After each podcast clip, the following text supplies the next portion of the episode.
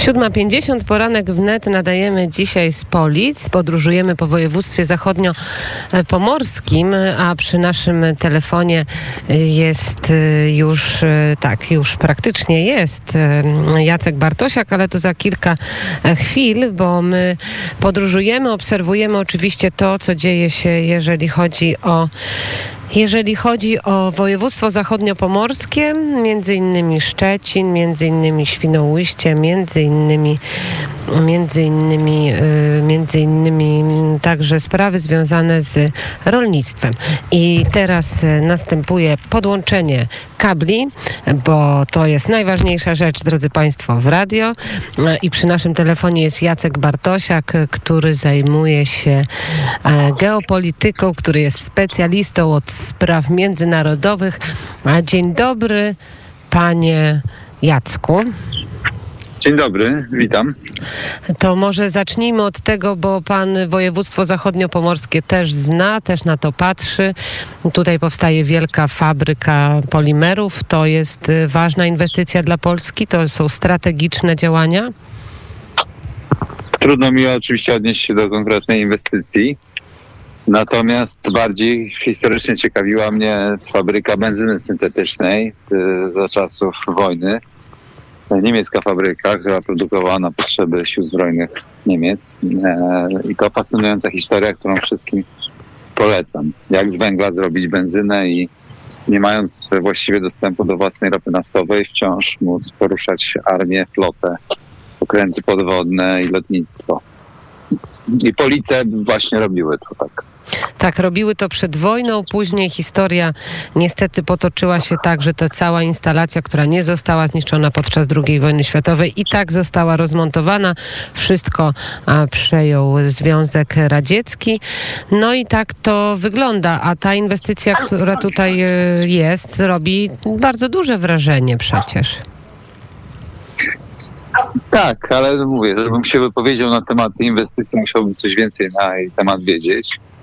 E, natomiast e, w ogóle cały ten obszar jest bardzo ciekawy z punktu widzenia ruchu na Odrze. No właśnie jak do starej fabryki w Policach i w PRL-u wędrowały barki z węglem, potem bądź w świat, bądź do fabryk, e, do Szczecina, do, do, do Świnoujścia, zespół portowy Szczecin-Świnoujście. Także ten obszar w sumie nie połączony z centrum rdzenia państwa polskiego, oddalony od Warszawy tak samo jak Berlin, a może nawet i lekko bardziej z punktu widzenia skomunikowania. E, no ciekawy jestem, jak się potoczy to w Unii Europejskiej, zwłaszcza w przypadku konsolidacji unijnej, bo Szczecin ma ogromne oddziaływanie na obszar Berlina, tak, swoim skomunikowaniem portowym i w ogóle e, skomunikowaniem drogowym. Więc sam się zastanawiam, jak ciekawe, jak to się potoczy. W teraz, Tak, teraz wszyscy czekają na to pogłębienie tutaj toru, tego do 12,5 metra, że to będzie duża szansa i duże otwarcie na, na rozwój i na to, żeby no, nowe kroki stawiać i w przemyśle, i w gospodarce. No tak, jest ciekawym też wątkiem takim, że Amerykanie, którzy chcą się rozładowywać zawsze w Niemczech, E, wojskowo mogliby się rozładowywać w Świnoujściu i w Szczecinie w przypadku wojny i oczywiście to trzeba byłoby jeszcze dokładnie policzyć, ale też e, mogłoby to zadziałać.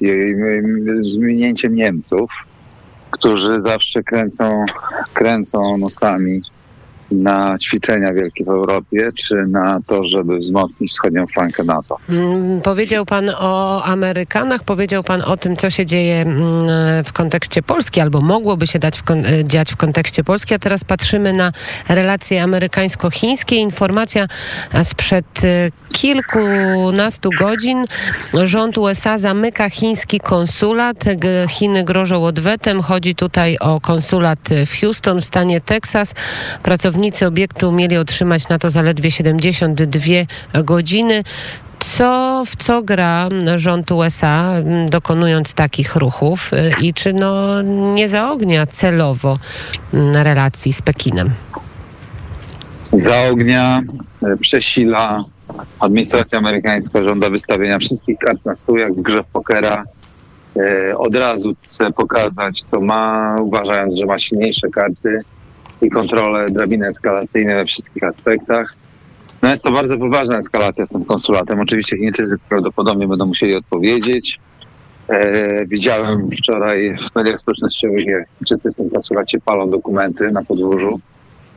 E, także to jest bardzo poważna eskalacja. E, dzisiaj donoszą media amerykańskie, że dzisiaj będzie bardzo duże przemówienie sekretarza Pompeo na temat Chin. Jedno z większych w czasie tej administracji Trumpa. No, Amerykanie szykują się do poważnej rozprawy. Tak? Kilka dni temu był wywiad sekretarza obrony Espera, e, który mówił wprost o wojnie, e, który mówił, że oczekujemy od sojuszników poparcia Ameryki, że Ameryka musi być na czele świata, a nie Chiny. Że 5G jest kluczową sprawą do dominacji światowej i nie możemy sobie, tak, nie możemy sobie pozwolić, żeby Chińczycy były na szczycie świata. Także świat wolnego handlu, globalizacji, niewidzialnej ręki rynku już jest przeszłością. Już jest oczywiście, okazał się być humbugiem i e, nadchodzi konfrontacja chińsko-amerykańska, ona zresztą już trwa na wielu polach. E, jestem bardzo tylko ciekawy, co przyniesie, dlatego że z jednej strony, no wiadomo, ostra kinetyczna wojna byłaby nieszczęściem. Po drugie, a, a z kolei pokonanie Chin, czy pokonywanie Chin w ten sposób łamie globalizację, z czasem będzie to odczuwane na kontraktach społecznych, dlatego że świat e, ułożył sobie relacje z społeczeństwem, typu rząd społeczeństwo w ten sposób, że Chińczycy tanio produkują dla zachodniej klasy średniej. Oni nie muszą pracować jako krawcy. Ale powiedział pan o tej wojnie, która trwa oczywiście już, przyglądamy się jej od wielu, wielu lat. Teraz ona cały czas e, nabiera nowych rumieńców i nowych barw, ale e, tutaj była też sprawa poruszona 5G. 5G de facto już w Europie jest zdominowane przez e, Stany Zjednoczone, więc tutaj wojnę z Chinami Amerykanie wygrali i mogą postawić swoje flagi, wbić swoje tutaj flagi. Jeszcze nie wygrali, ale rzeczywiście w ciągu ostatnich kilku miesięcy odnoszą sukces. Dzisiaj w nocy też gruchnęła wiadomość, że, że również Francuzi wprowadzają takie regulacje, które z czasem, z czasem spowodują, że również Chińczycy nie będą uczestniczyli w sieci 5G we Francji. Także wygląda rzeczywiście, jakby Amerykanie odnosili sukcesy, zwłaszcza w Europie, zwłaszcza wśród państw sojuszu pięciu oczu. No jeszcze Niemcy oczywiście nie wypowiedzieli się, a Niemcy chyba nie mają apetytu, żeby opowiadać się po stronie Amerykanów za szybko. E, natomiast, e, czyli innymi słowy, wszystko jest, e, wszystko jest dynamiczne. No, rok temu wydawało się, że Chińczycy wygrają zupełnie, bo nikt nie chciał razem z Amerykanami w tej sprawie 5G. Teraz się to odwraca. No, myślę, że ta rywalizacja będzie miała jeszcze wiele odsłon, dlatego że Chiny to jest naprawdę potężne państwo, potężne mocarstwo gospodarcze to nie są Sowieci i jeszcze będzie bardzo dużo zwrotów akcji, ale rzeczywiście trzeba Amerykanom oddać, że odnoszą w ostatnim czasie sukcesy, e, więc, e, no więc zobaczymy. Wszystko jest, e, tak jak powiedziałem, w grze.